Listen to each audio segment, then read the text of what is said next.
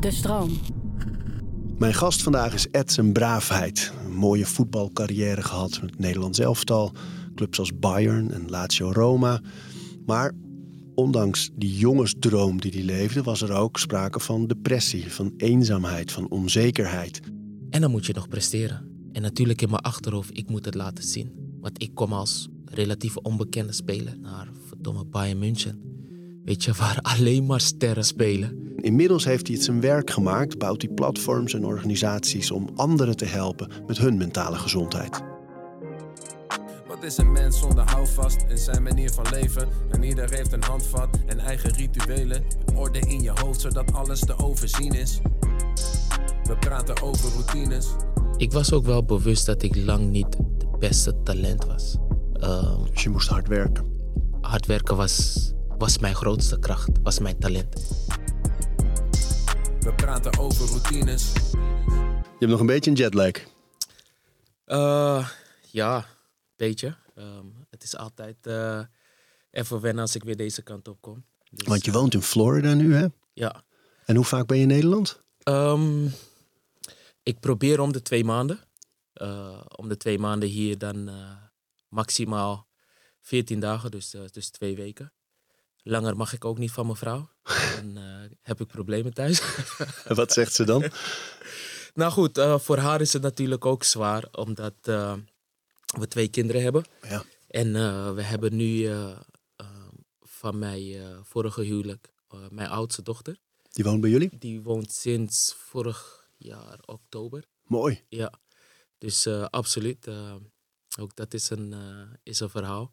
Dus ja, nu zit ze thuis met, met drie kinderen. Ehm, en ze hebben allemaal een leeftijd waarbij ze erg opstandig zijn. Hoe oud zijn ze? Ehm, mijn oudste dochter die is 15. Ehm, dan een zoontje van vijf en een eh, dochter van twee. Oeh, twee en vijf. Dus, ja, eh, pittig hè. ja, alles nee en alles. Oh man, dat zijn precies ook die bij mij, de twee jongste, twee en vijf. Ja, Ja, dat is, eh, is niet makkelijk. En dan is ze dus twee weken alleen met deze rebellen. Inderdaad. Dus Oh. ehm, dat is pittig. Dus zij, zij heeft ook echt een, eh, een limit voor mij, hoe lang ik hier mag zijn. Ehm, nee, maar dat geeft me genoeg tijd hier om eh, ja, met de projecten waarmee uh, Gianni en ik bezig zijn. Ja, de foundation, De foundation.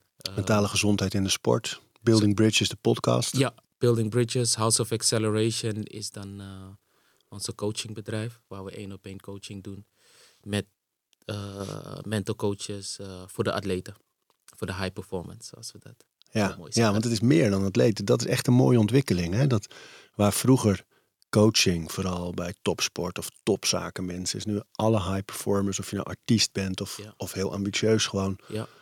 Ja. En die coaching gaat natuurlijk veel meer over de breedte. Hè? Dat gaat ook over zakelijke beslissingen en ruis buiten houden, focus enzovoort. Maar laten we, leek me mooi als jij te gast bent ehm, en je hebt van dat, die mentale gezondheid in eh, sport en andere high performance arenas Ja, echt een, een thema gemaakt. Maar om langs jouw eigen leven te lopen, langs momenten in jouw leven waarin dat een grote rol speelde, dat je diep zat of het moeilijk had. En hoe je daar vervolgens met rituelen probeerde uit te komen, wat je deed om ermee om te gaan. ja, En dan tegen het einde van ons gesprek misschien ook nog over hoe je nu de rituelen in je leven hebt. Want nu kom je kalm, stabiel, gefocust over. Voelt het niet altijd zo? nee, nee, nee, dat voelt zeker niet, uh, niet altijd zo. Um, maar goed, wat ik, wat ik zeg, ik, je hebt nu, uh, je bent een stuk ouder nu. Um, ik heb het een en ander mee mogen maken. En um, dus ik, ik, ik, uh, ik ben niet zo snel meer van mijn stokje af te krijgen. Nee. En ik kan nu iets rustiger naar heel veel situaties kijken. En eruit halen wat ik eruit moet halen om dus ja, verder te kunnen gaan en succesvol te kunnen zijn. Ja. Maar laten we gaan, hè, dat je, als je helemaal terug gaat naar de jeugd. Wat, wat was nou voor jou in sport, en je hebt nogal wat meegemaakt en gepresteerd, uh, het eerste moment dat je merkte dat er mentaal van alles gebeurde? Oeh, ja, dat is een goede vraag. Ik heb, ik heb natuurlijk mijn eerste, mijn eerste moment mijn eerste grote teleurstelling ehm, heb ik ervaren met Ajax. eh, Stage. dagen. Te horen krijgen dat het toch niet daar terecht komt. Ja, omdat ehm, ik ben in Suriname geboren en op een gegeven moment eh, in 89 eh, op zesjarige leeftijd hier naartoe verhuisd naar Nederland en eh, in Amsterdam terechtgekomen. Nou goed, ik, ik was toen al gek van het spelletje, dus eh, de eerste club die voorbij komt is, Ajax en dan groei je daarmee eh, eh, mee op. En ja, Ajax is gewoon de club waar je dan wilt spelen, waar je wilt voetballen. Ehm, die kans eh, krijg ik op een gegeven moment op eh 12 jaar. 12, 12-jarige leeftijd. ehm, waar ik dus ehm, met mijn eh, ja, beste makker, die dus eh, overleden is, Luciano van den Berg. ehm, gaan we samen naar de talentendagen. En ehm, ik kom alle rondes door. Dus elke keer dat je een ronde doorkomt, ehm, groeit het geloof. Van hé, hey, ik, ik kom een stapje dichterbij om het Ajax-shirtje aan te mogen doen. Uiteindelijk mag je meetrainen. Dan ruik je eraan en dan denk je, Jezus, dit wil ik ook.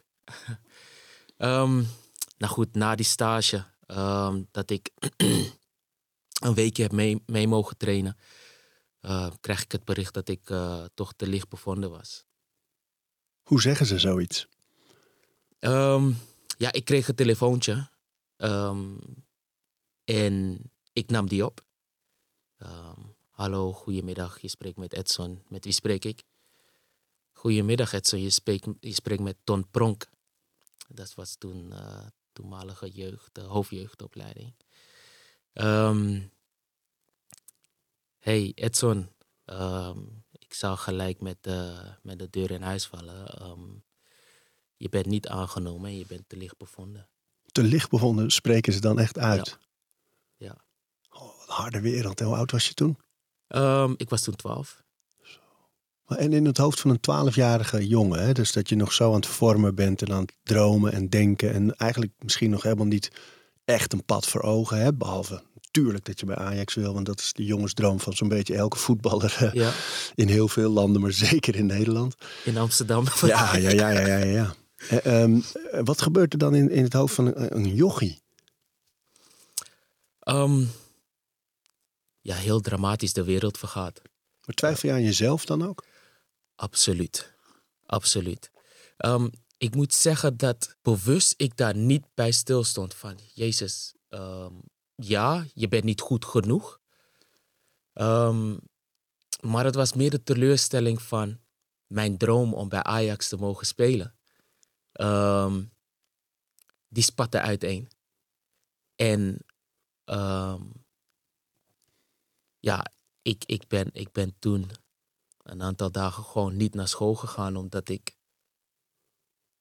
ja, ik zeg, mijn droom die spatte uiteen. En, en dat was het voor mij. Ik, ik wilde niks anders. Ehm, maar echt het, het stukje van niet goed genoeg zijn.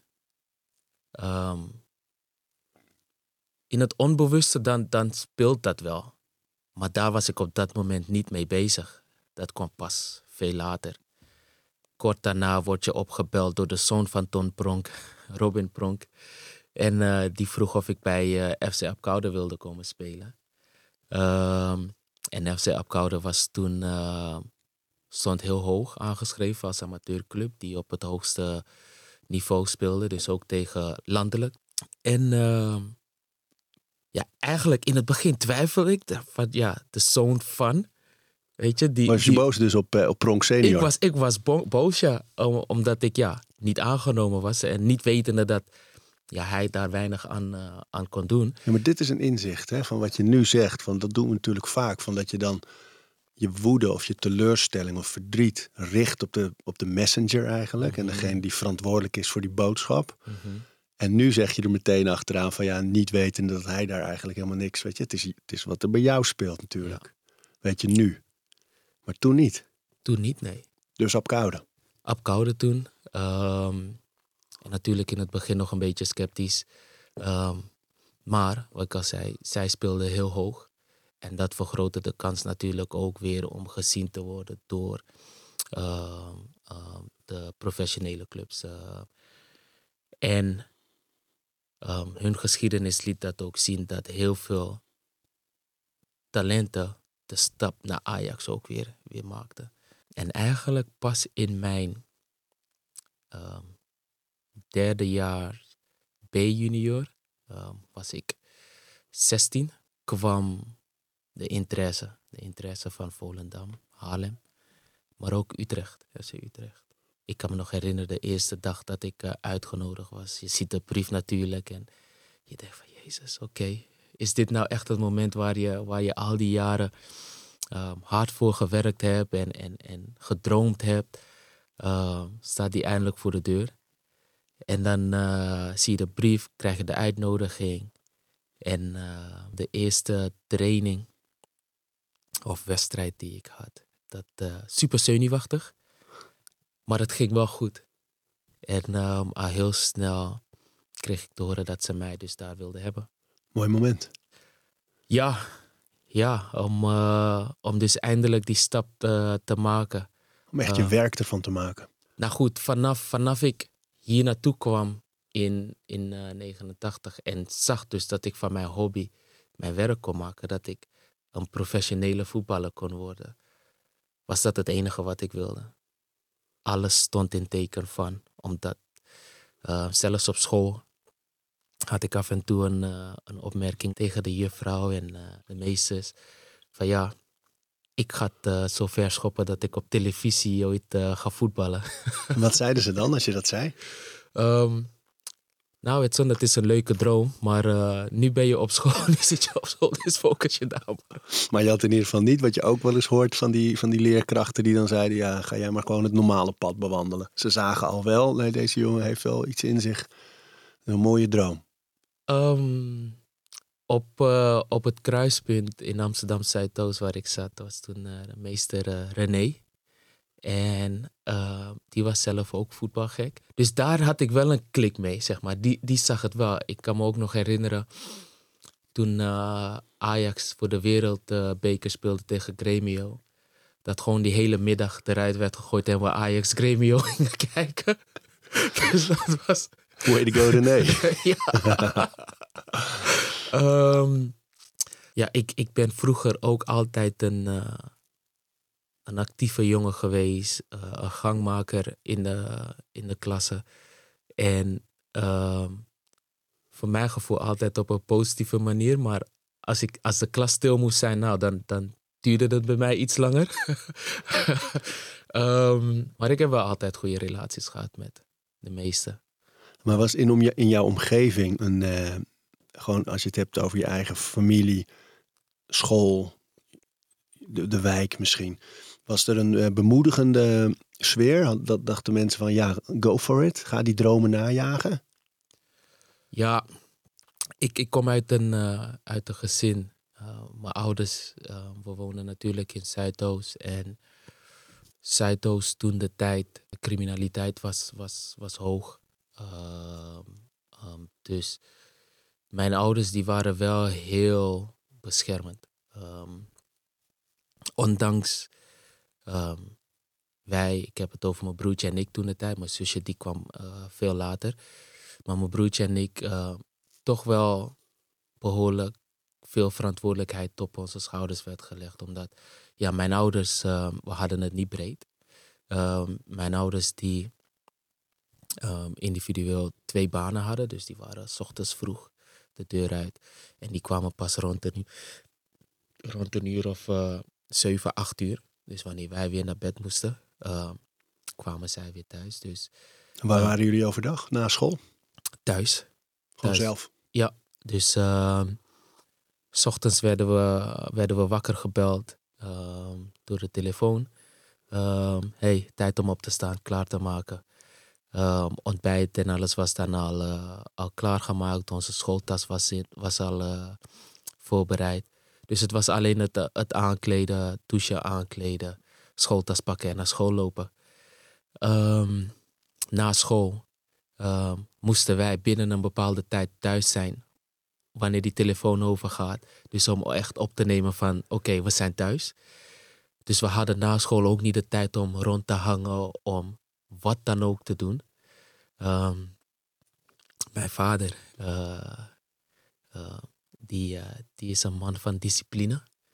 Ehm, die ehm, heeft in zijn tijd in Suriname als militaire politie ehm, acht jaar lang gefunctioneerd. Dus dat brengt hij ook over bij ons. En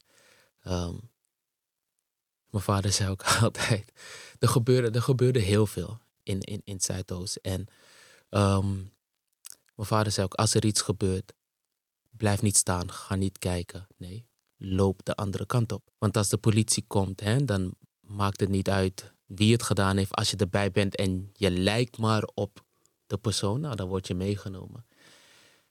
En uh, ik kan nog herinneren dat mijn vader altijd zei: Wees niet bang voor de politie die jou meeneemt.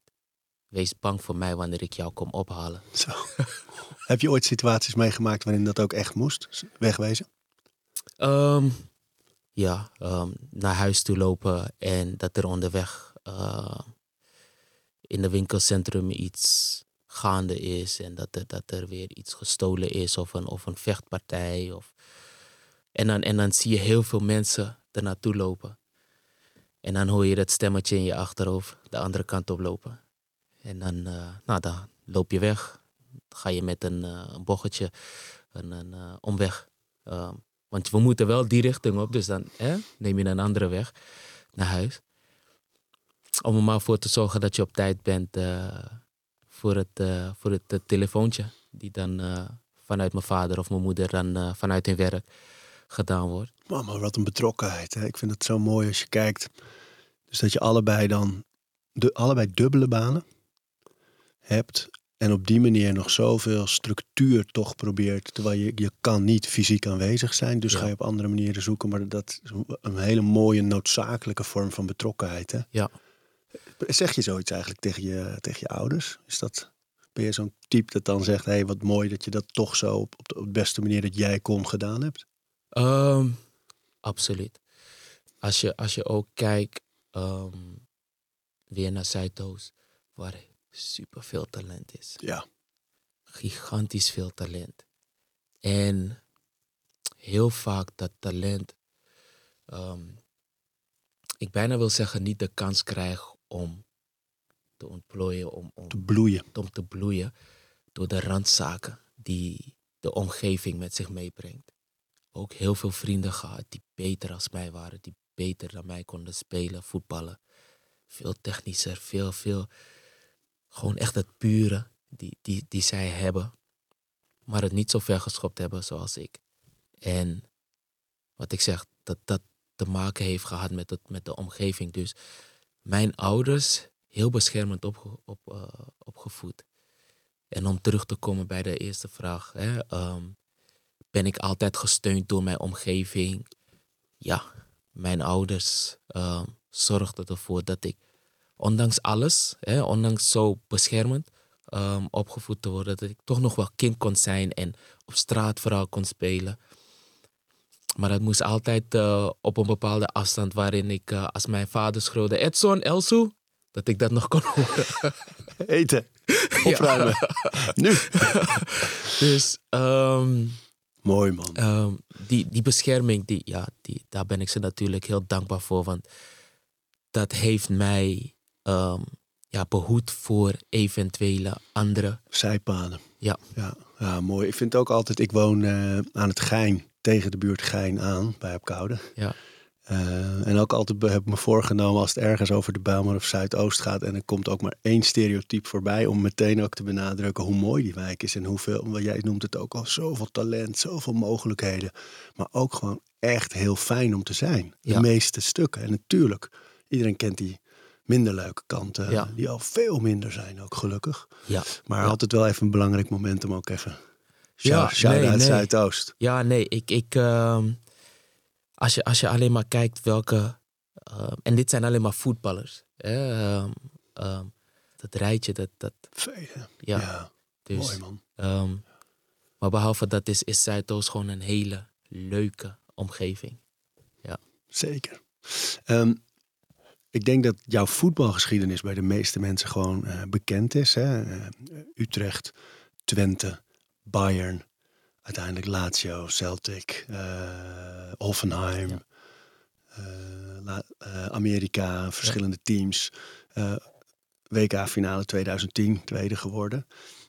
Die is grotendeels bekend, denk ik, bij de meeste mensen. Maar het lijkt mij mooi om naar momenten, zoals je net al beschreef, die eerste grote teleurstelling als kind van 12. En dat je dan gaat zoeken naar, nou, dan maar een paar dagen niet naar school, kop in het zand, even verdrietig, even boos.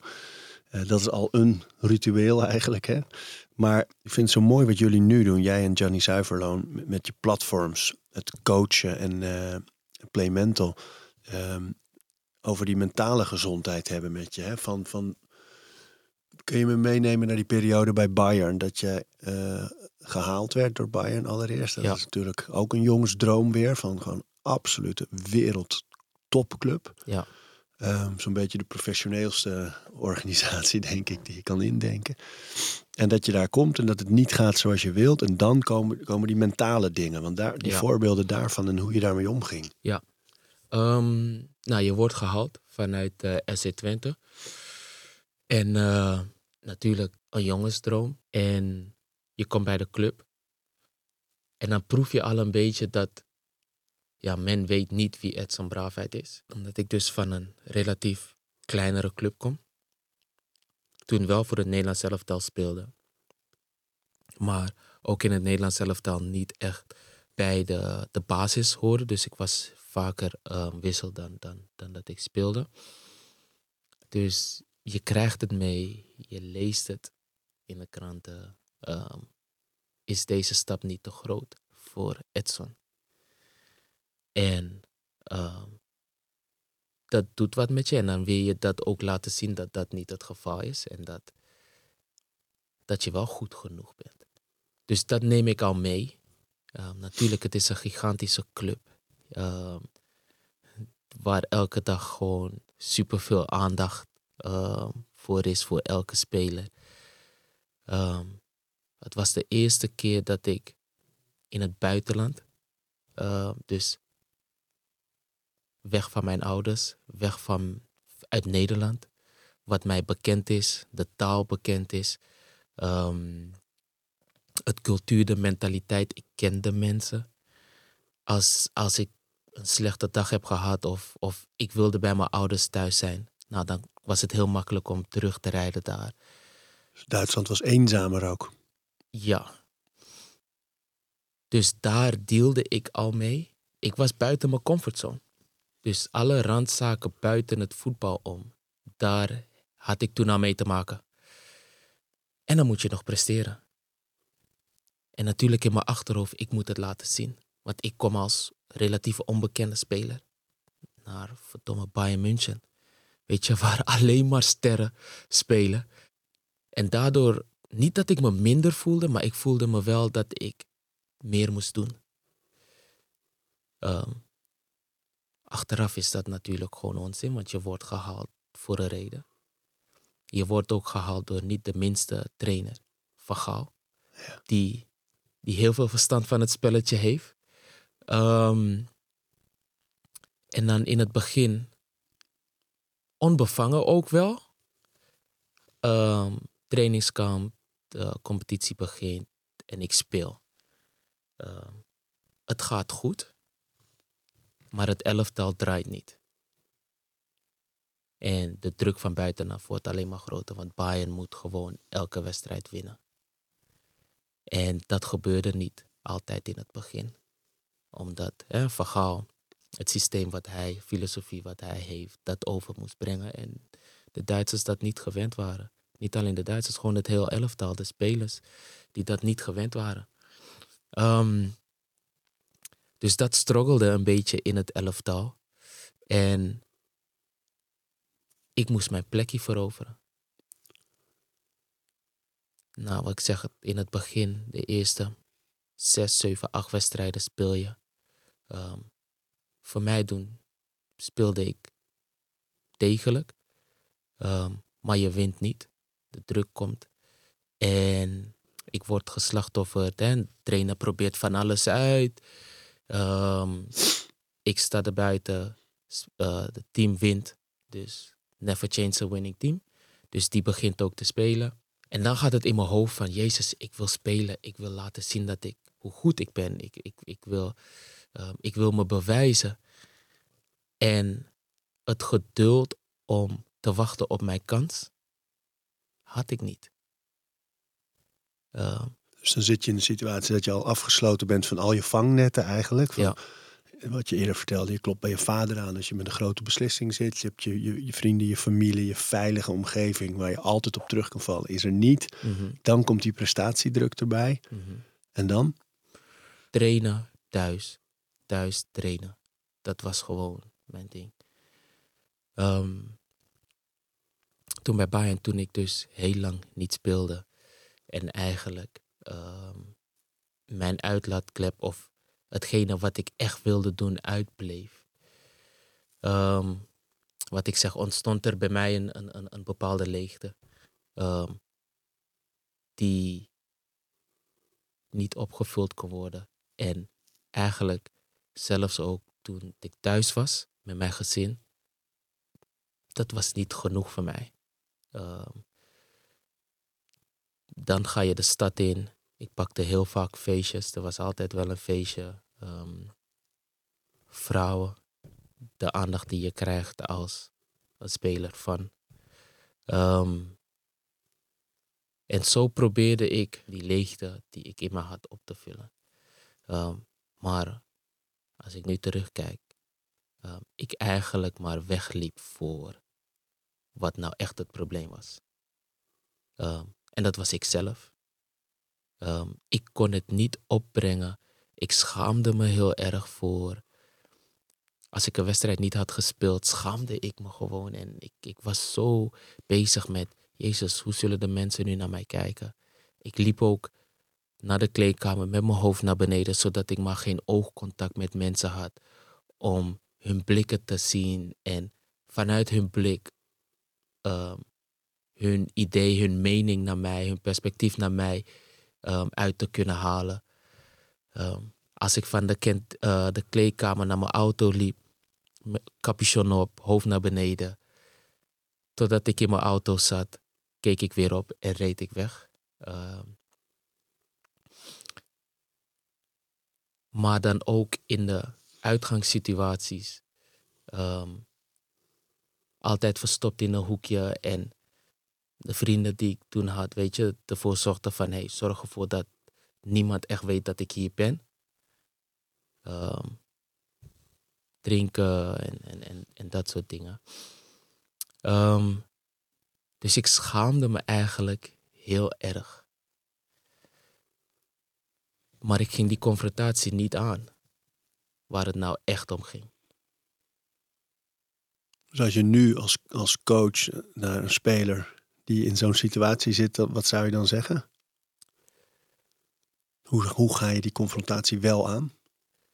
Eén, ehm, door ze het perspectief aan te bieden. Ik, ik zou mijzelf toen, als ik nu terugkijk naar mezelf, te zeggen van Edson, sta eens stil, kijk om je heen, kijk waar je bent. Voeten aan de grond. Besef jij dat je bij Bayern München speelt. Besef jij dat al deze spelers bij elke andere club misschien ook een basisspeler zou kunnen zijn. Jij behoort tot een select groepje die tot de beste van de wereld behoren. Clubverband. Dat betekent dat geduld heel belangrijk is. Nou, hoe ga je met geduld om? De focus veel meer bij mezelf moest houden.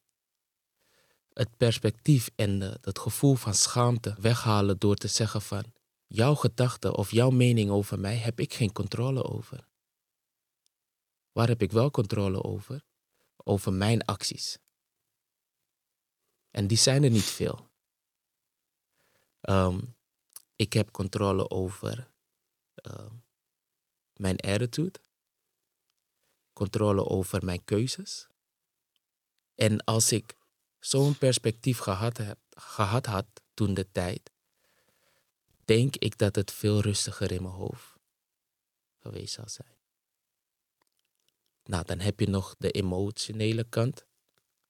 Nou, die kan je gebruiken om weer een bepaalde gretigheid te creëren, maar ook een focus te houden op wat je wil bereiken. En dan gaan we dat nu, zeg maar, heel simpel gaan we dat opschrijven. Wat wil je uit je dag halen? Wat wil je uit je week halen? Wat wil je uit je maand halen? En aan het einde, een jaar. En dan schrijf je dat op. Ehm, uit mijn dag wil ik dit gedaan hebben. Dus je gaat het veel kleiner maken. Haalbare stappen. Haalbare stappen.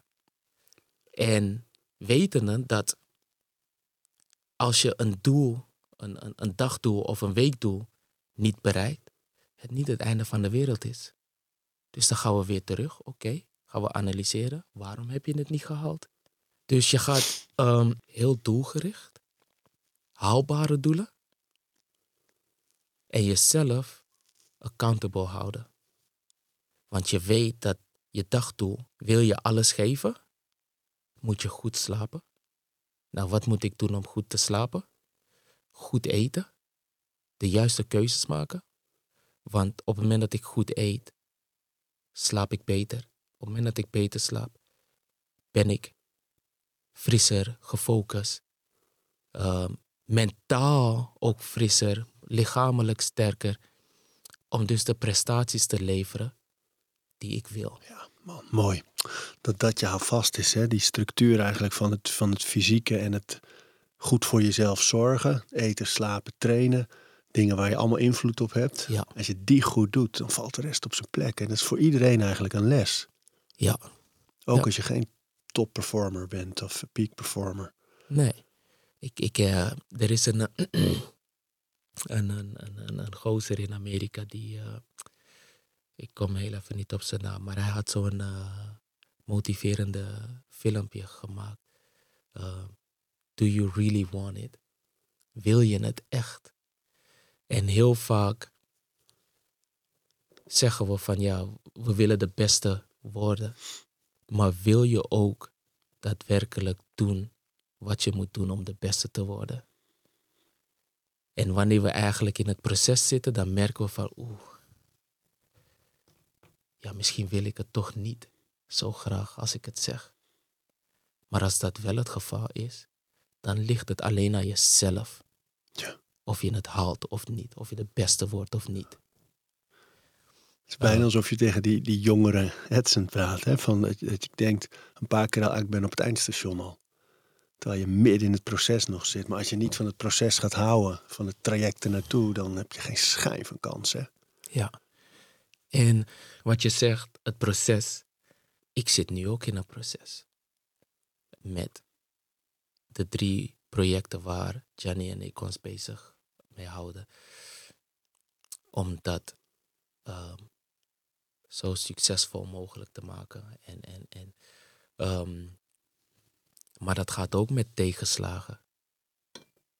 Werk jij nu met die, eh, die, die structuur die je net zei, dat je elke dag met dagdoelen begint? Ja. Kun je me eens Ehm, vertellen over je dag, hoe je, hoe je dat inricht? Nou, mijn, mijn, mijn dagen in Amerika, zeg maar vooral. En dat is ook weer iets nieuws, hè, want ik, ik kom nu ook weer in een nieuw proces van ehm, voetballer af. Ehm, ik ben nu husband en vader. En ik ben ondernemer. Ehm, het ondernemen heeft ja, heel veel weg. Hè? Je, je, je stelt je doelen. Wat moet je ervoor doen om dat te halen? Ehm, parallel een beetje aan het voetbal, ehm, zeg maar. Maar husband zijn en, en, en, en vader zijn, dat is een hele andere wereld voor mij nu. Want ik ben al sinds mijn 22e ben ik vader. Maar ik heb me er nooit echt mee bezig gehouden. Tuurlijk, ik ben vader. En wanneer ik thuis ben, ben je bezig, je, je kinderen. Maar echt mee bezig zijn om Ja, dat het een functie ook is. Hè? Ja. En Een invulling. Ja, En- biologisch is, is het, is- het, het is- makkelijke deel. Ja, Maar daarna begint het pas. Hè? Maar hoe verdeel jij je tijd? Dus dat je zegt, als je die drie rollen hebt. Hè? Je bent iemands man, je bent iemands vader en je bent ondernemer. Ja. Hoe deel jij die dagen in? Ehm, ik sta ochtends vroeg op. Ehm, tijdverschil natuurlijk. Heel veel afspraken ehm, die hier in Nederland beginnen zijn eh, rond half tien, eh, tien uur. En dan is het in eh, Florida half vier, vier uur. Dus je Ehm, begint je dag vaak om half vier. ehm, dus Jocko Willing-style. ja, die, die oud marinier toch? Ja, is ja, dat? ja, ja, ja. Heb ik ook filmpjes van, hè? Ja, ja, als je in de motivational hoek zit, kom je Jocko wel tegen. Hij heeft ook een podcast trouwens. Klopt. Ehm, Deze aflevering van Overroutines wordt aangeboden door Squarespace. Een alles-in-één platform waar je je eigen website kunt bouwen en beheren. Het maakt niet uit of je producten, diensten of je passie met de wereld wil delen. Het kan allemaal bij Squarespace. Ik noem even kort drie handige functies van het platform. Met het ontwerpsysteem kan je makkelijk je website vormgeven en het helemaal eigen maken. Squarespace analyseert hoe je website presteert en wat er voor nodig is om je bedrijf online verder te laten groeien. En ook kan je abonnementen en exclusieve content aanbieden aan betalende leden. Start nu je gratis proefperiode via squarespace.com/overroutines. En ben je klaar om je website echt te lanceren? Gebruik dan de code overroutines, dan krijg je 10% korting op je eerste aankoop van een website of domein. En nou, dan zorg ik ervoor dat mijn afspraken lopen tot aan half zeven, zeven uur max. Omdat dan de kinderen wakker gemaakt moeten worden. En eh, klaargemaakt moeten worden, ontbijt eh, gemaakt moet worden. eh, voordat ik ze naar school breng. Ehm, breng ik ze naar school rond ehm, ehm, half negen, negen uur kom ik weer thuis, gaan mijn afspraken weer verder. Vervolgens probeer ik, of probeer ik, zet ik twee, drie uurtjes, twee, twee uurtjes, dat ik in de gym ben. Elke dag? Ehm, dat gaat lang niet elke dag. Omdat ehm, dat is ook een moment voor mij en mijn vrouw. Weet je, of om te gaan lunchen.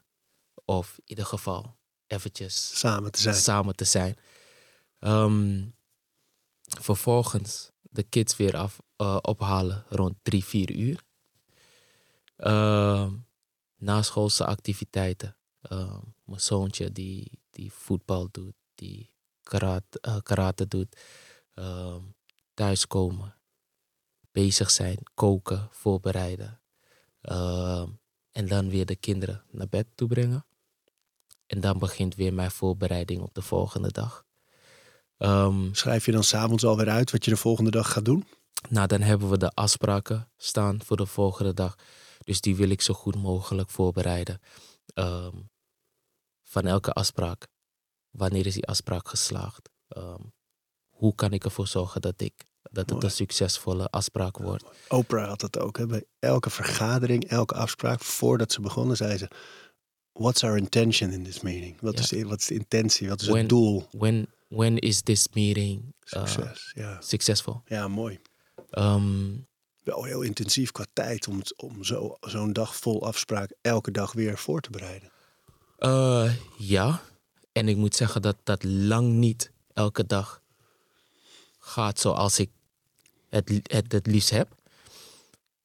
Maar ik kan nu ook weer makkelijk terugschakelen eh, en zeggen van oké, eh, om die redenen is het bijvoorbeeld niet gegaan. Nou, let daarop de volgende keer. Ehm, dus ik, ik, ik straf mezelf niet zoals ik toen deed met voetbal. Ehm, En als je, als je dit allemaal, die voorbereiding hebt getroffen, hè, je bent klaar van, eh, met de nacht of de avond, ga je, je gaat vroeg naar bed, dus als je zo vroeg opstaat, denk ook ik. dat is soms weer. eh, lukt dat niet altijd. Want ook mijn vrouw wil dan de avonduren soms Ja. eh, hè, eventjes lekker samen zijn, een filmpje kijken. Ehm, Of zelfs ehm, eh, een avondje eventjes eh, gaan uiteten of naar de film. Ehm, dus ja, je probeert daarin. eh, In, op een ideale avond, hoe laat ga je slapen? niet later dan tien uur. Ehm, dan heb ik ongeveer vijf, vijf en een half uurtjes ehm, geslapen. Wat niet goed is, maar het is sinds je kinderen hebt, weet je, dan, dan, dan Sowieso gebroken. ja. Ja. Dus dan, dan, eh, dan probeer je met de uurtjes die je hebt het maximale eruit te halen. Ja, en ook dat je, heb je misschien ook, dat je er op een gegeven moment ook wel een beetje rust uithaalt. Dat je denkt, oké, maar het is een bepaalde fase. Dat het dan even zo, Ja. kortere nachten, gebroken nachten. Ja. Maar het gaat wel voorbij. Ja, ja, Het geeft rust. ja. ja. Voor de toekomst. ja, het komt ooit weer goed. Maar dan hou je het redelijk vol, want het is vijf, zes uur per nacht, joh. En dan doe jij nog ademhaling of meditatie of dingen om goed in slaap te komen? Of val je zo'n blok? Ehm, nou, ook dat is nu. Eh, wij hebben in House of Acceleration hebben wij een eh, coach die gespecialiseerd is in ademhaling, in slaap. Hoe kan ik ervoor zorgen dat ik in, in, volgens mij is het 2 uur en 39 minuten Ehm, als ik het goed heb, hij gaat me erop corrigeren als ik het verkeerd heb. Ehm, remslaap, dus echt in je diepe Zo. slaap. Ja, dat is flink. Weet je, want dat, dat Ja. is dus wat je nodig hebt om Ja. ehm, goed te herstellen. Ja, de meeste van die devices die, die breken het in eh, inderdaad REM, de Rapid Eye Movement. Ja. En dan de diepe slaap Ja. en de lichte slaap. Die, Juist. die is eh, vaak het langst bij de Ja. meeste mensen. En die REM, als je die lang hebt, dat is je herstel. Dus Ja. als, dat is heel goed. En die diepe uiteraard ook. Als je die allebei boven de twee hebt, doe je het fantastisch. Juist. Lukt dat? Nee.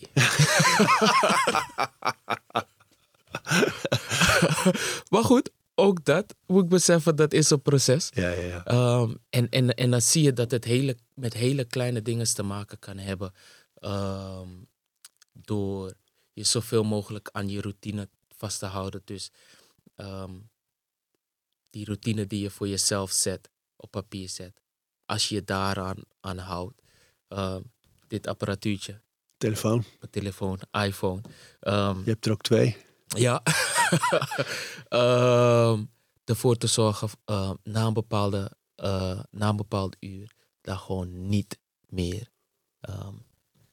ehm, naar te kijken. Ja, en dat is gek, hè? Dat, iedereen weet het.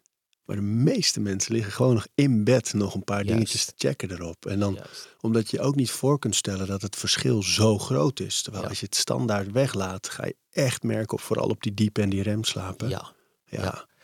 Dus ook daar voor mij ehm, zit heel veel verbetering. eh, moet daar heel veel verbetering in komen. Ehm, bijvoorbeeld eh, kleine dingen. ehm, de hoeveelheid kopje koffies die ik per dag drink. Ja. Je nam hier ook niet, hè? Nee.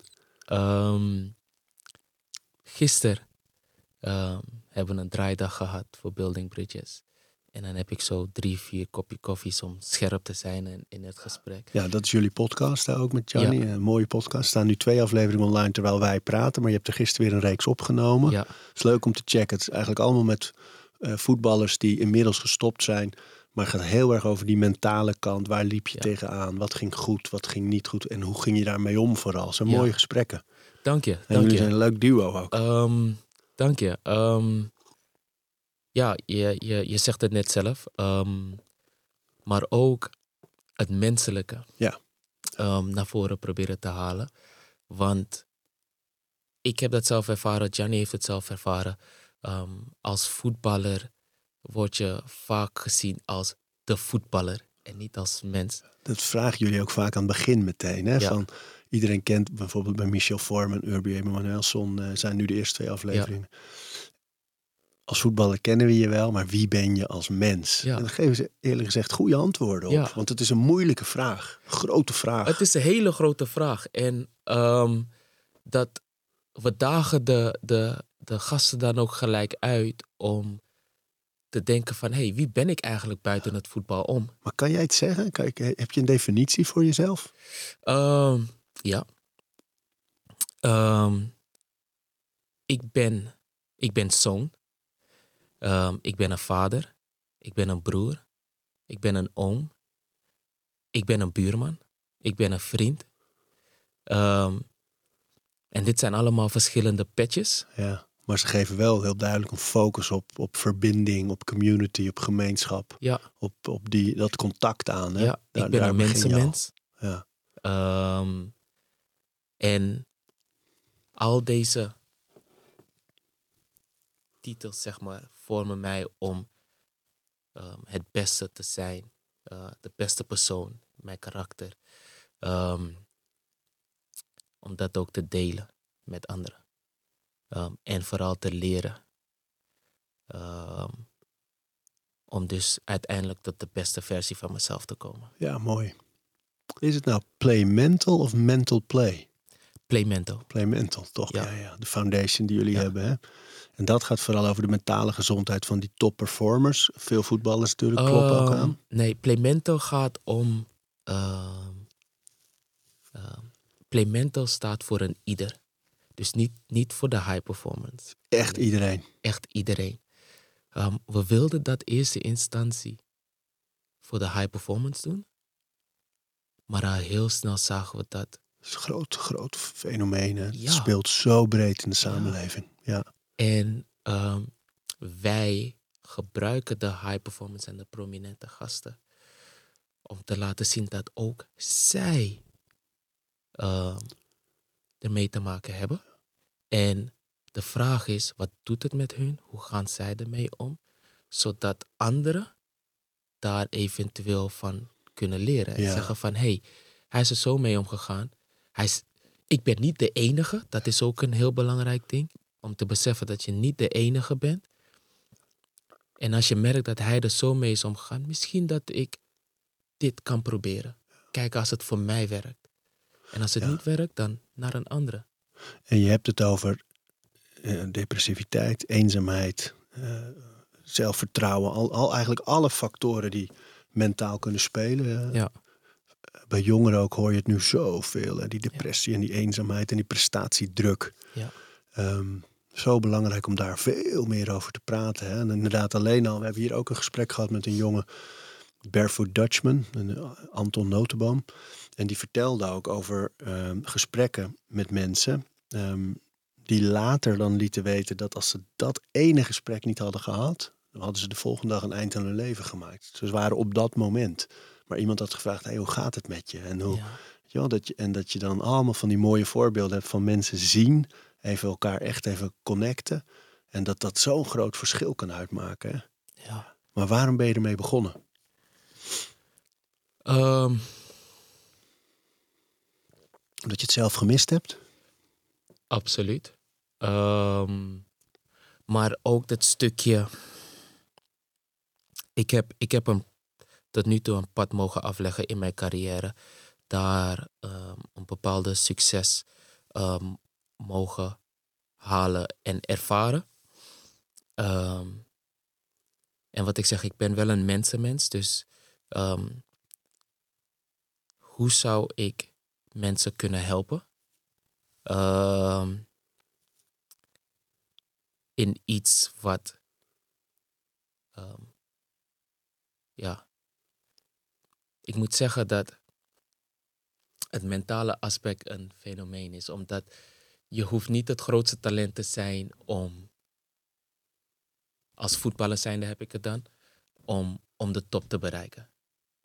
Als jij een bepaalde mindset hebt, wilskracht hebt, dan eh, zeggen ze toch ook eh, hard work beats talent. Ja, en talent time. makes lazy. Ja.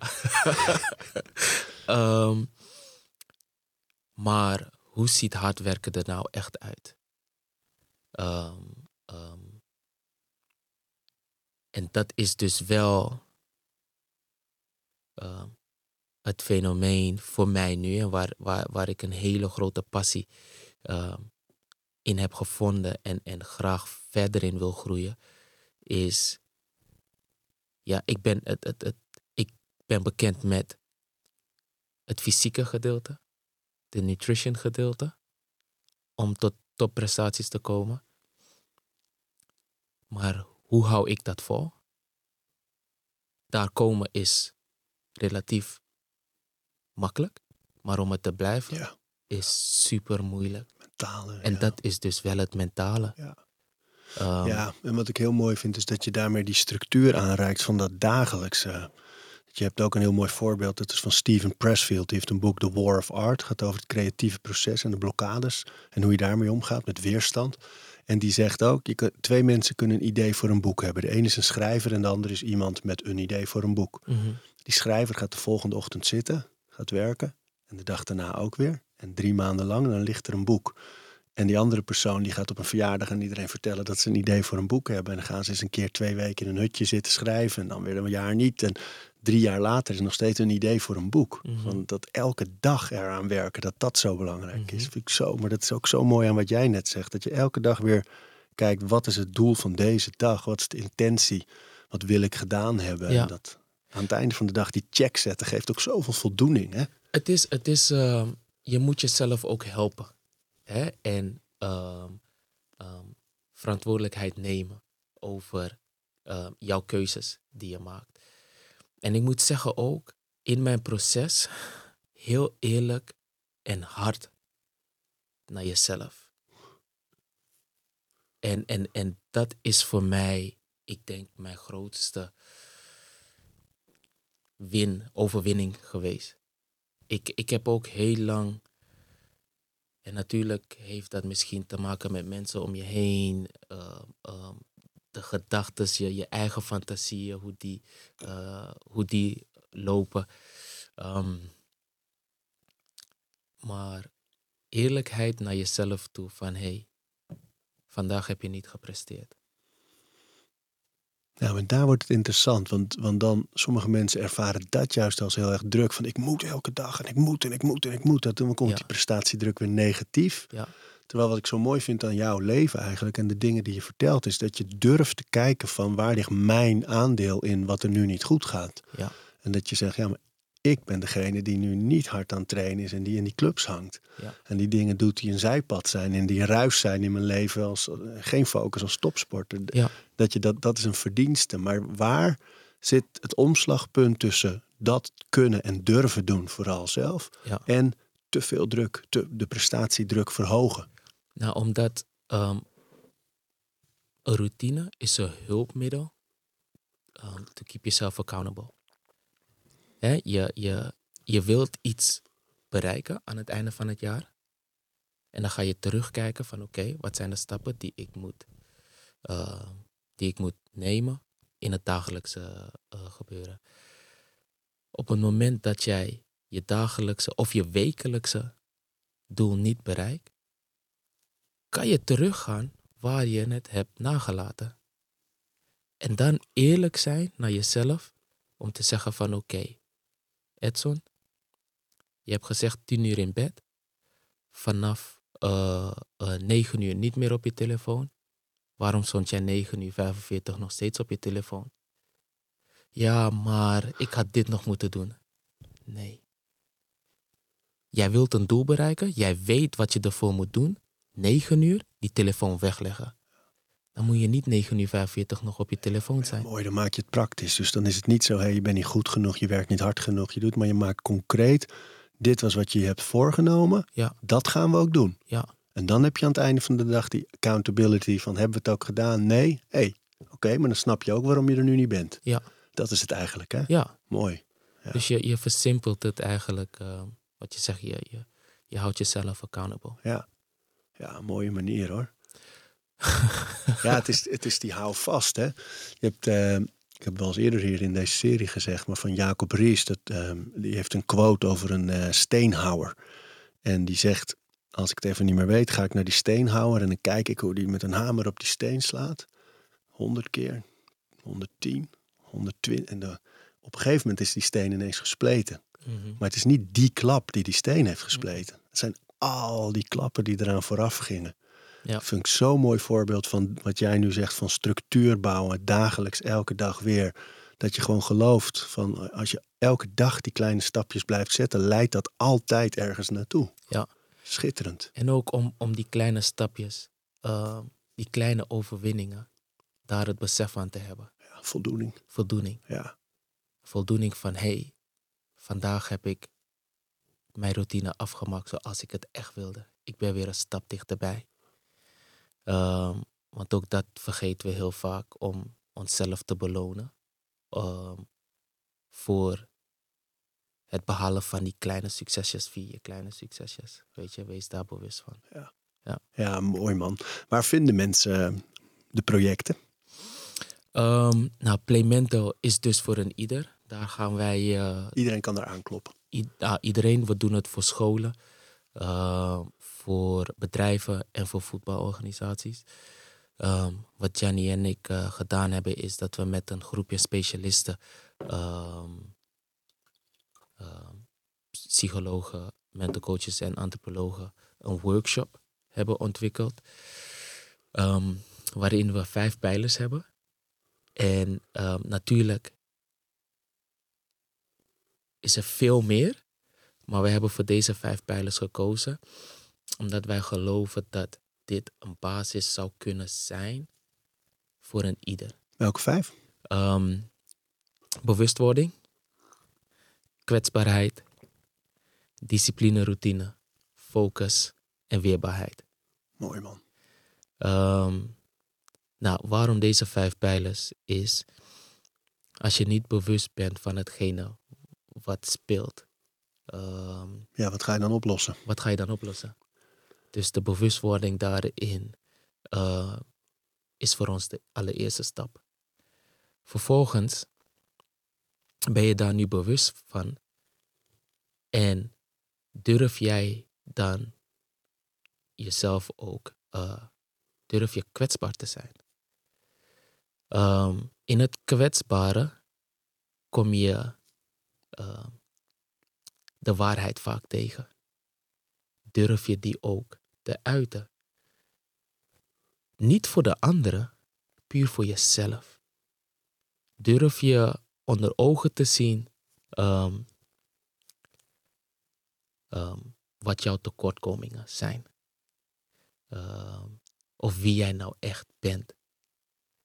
Weet je, ik heb ook heel vaak een stukje daarover heel vaak naar mijn hoofd gekregen, of vaak, ehm, van mijn vrouw. Ehm, je bent eigenlijk best wel hypocriet, Edson. Ik denk van, Jezus, waar heb je het nou over? Altijd leuk om te horen. Maar, ehm, en dan legt ze dat uit door bepaalde acties, dat ik hypocriet overkom. Ja, je weet hoe het zit en toch doe je het niet altijd zelf natuurlijk. Ja, het is ook menselijk, maar Snap het je? is lastig om mee geconfronteerd te worden soms. Goed, maar accepteren. Ehm, mijn excuses, sorry dat ik dus ehm, hypocriet gedrag vertoon. En ik ga daar wat aan doen. Ik ben er nu bewust van. Ik stel me kwetsbaar op naar jou toe om toe te geven. En nu kan ik er wat aan gaan doen. Ja, mooi. Vervolgens, om daar wat aan te doen, die routine gaan opzetten. Routine, discipline. En ik heb discipline nodig om die routine vast te houden. Ja, niet leunen op motivatie. Dat Juist. komt en gaat. Elke dag. Juist. Ehm, ehm, Focus. focus. Om dus ook weer bewust te zijn wanneer ik van het paadje afga. Ja, waar gaan we op af? Hou Ja. het oog op het doel. En hoe kan ik weer terugkomen? We hebben ook, zeg maar, in focus het kracht van het nu. Willen we daarin toepassen. Ehm, als ik met mijn gedachten te veel in het verleden, Jezus, had ik maar. Eh, wat was er gebeurd als ik dit had gedaan, noem maar op. Kan er een bepaalde depressie ontstaan? Op het moment dat ik te veel in de toekomst. Jezus, eh, wat gaat het resultaat van de toets worden? Nog nooit zoveel gevloekt in deze uitzending, man. ik, denk, ik denk steeds je, Jezus, halleluja. Prijs de Heer. Zo'n gospelachtige quotes. ga door, ga door. Als je te veel in de toekomst, daar ja. was je. als ik te veel in de toekomst bezig ben met het resultaat, de uitkomst, ehm, kan dat heel veel stress opleveren. En in beide gevallen Geen invloed. heb ik geen invloed. Nee, maar nu wel. Maar in nu is mijn nu keuze. kan ik het beter doen dan dat ik het toen gedaan heb. En in nu heb ik invloed op de uitkomst. Ik heb geen controle. Maar ik heb wel invloed door me op het nu te focussen. Focussen. Wat moet ik nu doen om succesvol te kunnen zijn? En die weerbaarheid aan het einde, de laatste. Weerbaarheid heeft dus te maken met al deze vier pijlers die daarvoor eh, eh, dat we besproken hebben en dat we eh, behandeld hebben, is dan het stukje er gaan blokkades komen. Ehm, er gaan situaties komen waarin het eventjes tegen zit. Maar als ik deze vier pijlers daarin doorga en behandel, dan kan ik ondanks het geen leuke periodes zijn, moeilijke situaties zijn, nog steeds vooruitgang Ja, je laat je niet uit het veld slaan omdat iets even lastig wordt. Maar je gaat zoeken naar hoe kan ik ervoor zorgen dat ik het wel kan. Dat ik er wel kom bij Ja. B. Ja. Ja, ja, ja. Dus daar zit onze weerbaarheid dat eigenlijk. Ehm, dus we willen alles heel ja, perspectieven aanbieden. Ja, mooi. Eh, En er is er een website? Er is een website, uh. Ehm, en daar kunnen dus vooral, want we doen het in groepsessies, in groepvormen. Ehm, ehm, daar kunnen bedrijven, scholen en voetbalorganisaties dus zulke sessies boeken. Mooi hoor. Building Bridges is de podcast. Staat Ja. gewoon op alle podcastplatforms, eh, heb ik gezien. Ja, ja. En de coaching? De coaching is op House of Acceleration. Dat is dus wel voor individuele coaching, Ja. voor de high performance. Ehm, omdat we dat wel voor nu de focus daarop willen leggen. Ja, ja. Mooi man. Dank je. hey, dank dat je er was. Dank je voor de uitnodiging. Keep it up. Dank je. We praten over routines. Dankjewel voor het luisteren. En voordat je weer doorgaat naar andere dingen, wil ik je nog even wijzen op Over Inspiratie. Dat is het mailtje dat ik elke donderdag rondstuur met drie tips. Dingen waar ik zelf veel aan gehad heb. Kunnen producten zijn, artikelen die ik gevonden heb online, onderzoeken, Instagram-accounts, podcasts, boeken, van alles eigenlijk. En ik denk dat je daar zelf ook veel aan kunt hebben. Dus vind je het leuk om dat mailtje elke week te ontvangen? Dan kun je je opgeven op ariboomsma.nl onderaan de pagina. Dan krijg je voortaan elke donderdag in je mailbox over inspiratie.